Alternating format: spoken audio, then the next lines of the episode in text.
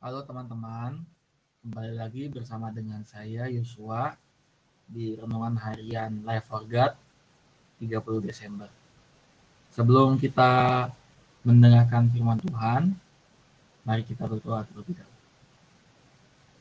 Bapak kami yang baik, kami bersyukur kepadamu untuk hari ini 30 Desember 2021, di mana besok kami akan merayakan malam tahun baru, tahun baru 2022. Kami berdoa Tuhan supaya di hari-hari terakhir di tahun ini, firman-Mu menyertai kami dan menerangi langkah-langkah kami Tuhan. Dalam nama Yesus kami berdoa, amin. Hari ini saya beri judul Menjaga Lidah. Ayatnya terambil dari 1 Petrus 3 ayat 10. Siapa yang mau mencintai hidup dan mau melihat hari-hari baik, ia harus menjaga lidahnya terhadap yang jahat dan bibirnya terhadap ucapan-ucapan yang menipu.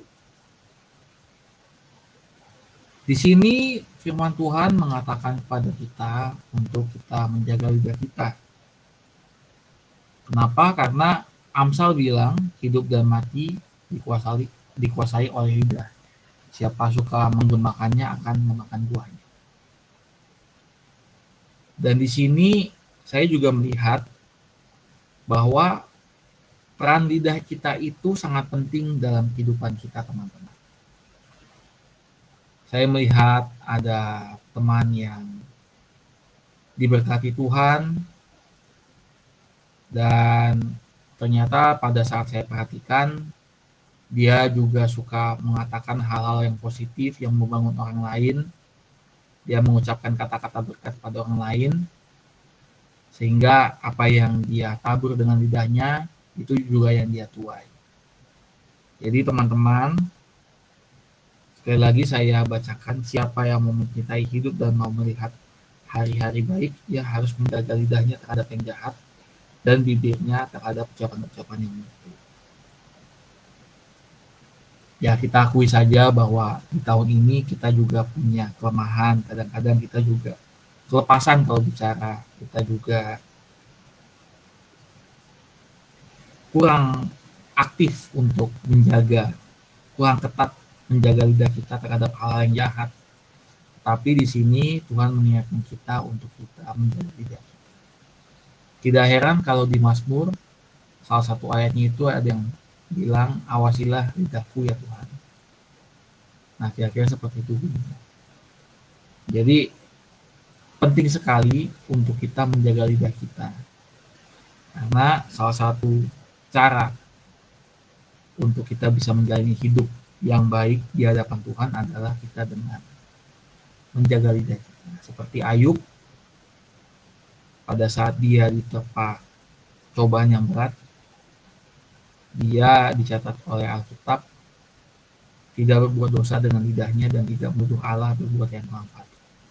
Oleh karena itu teman-teman sebagai pengantar ke renungan akhir tahun ini yang akan kita laksanakan perayaannya itu pada esok hari saya ingin mengingatkan dari semua Tuhan di tahun 2022 nanti marilah kita menjaga lidah karena kenapa? Hidup dan mati dikuasai oleh lidah. Siapa suka menggemakannya, ia akan memakan buah. Sekian renungan pada hari ini. Mari kita jaga lidah kita. Karena dari lidah kita ini kita bisa mengeluarkan kata-kata berkat dan kita pasti akan menuai hasil dari apa yang kita katakan. Mari kita berdoa. Bapak terima kasih untuk firman pada hari ini mengenai kami menjaga lidah kami. Tuhan kami minta kekuatan dari Allah. Kami minta anugerahmu untuk kami bisa menjaga lidah kami. Karena kami percaya Tuhan untuk kami bisa hidup menjalani kehendakmu dan melakukan apa yang sesuai dengan rencanamu.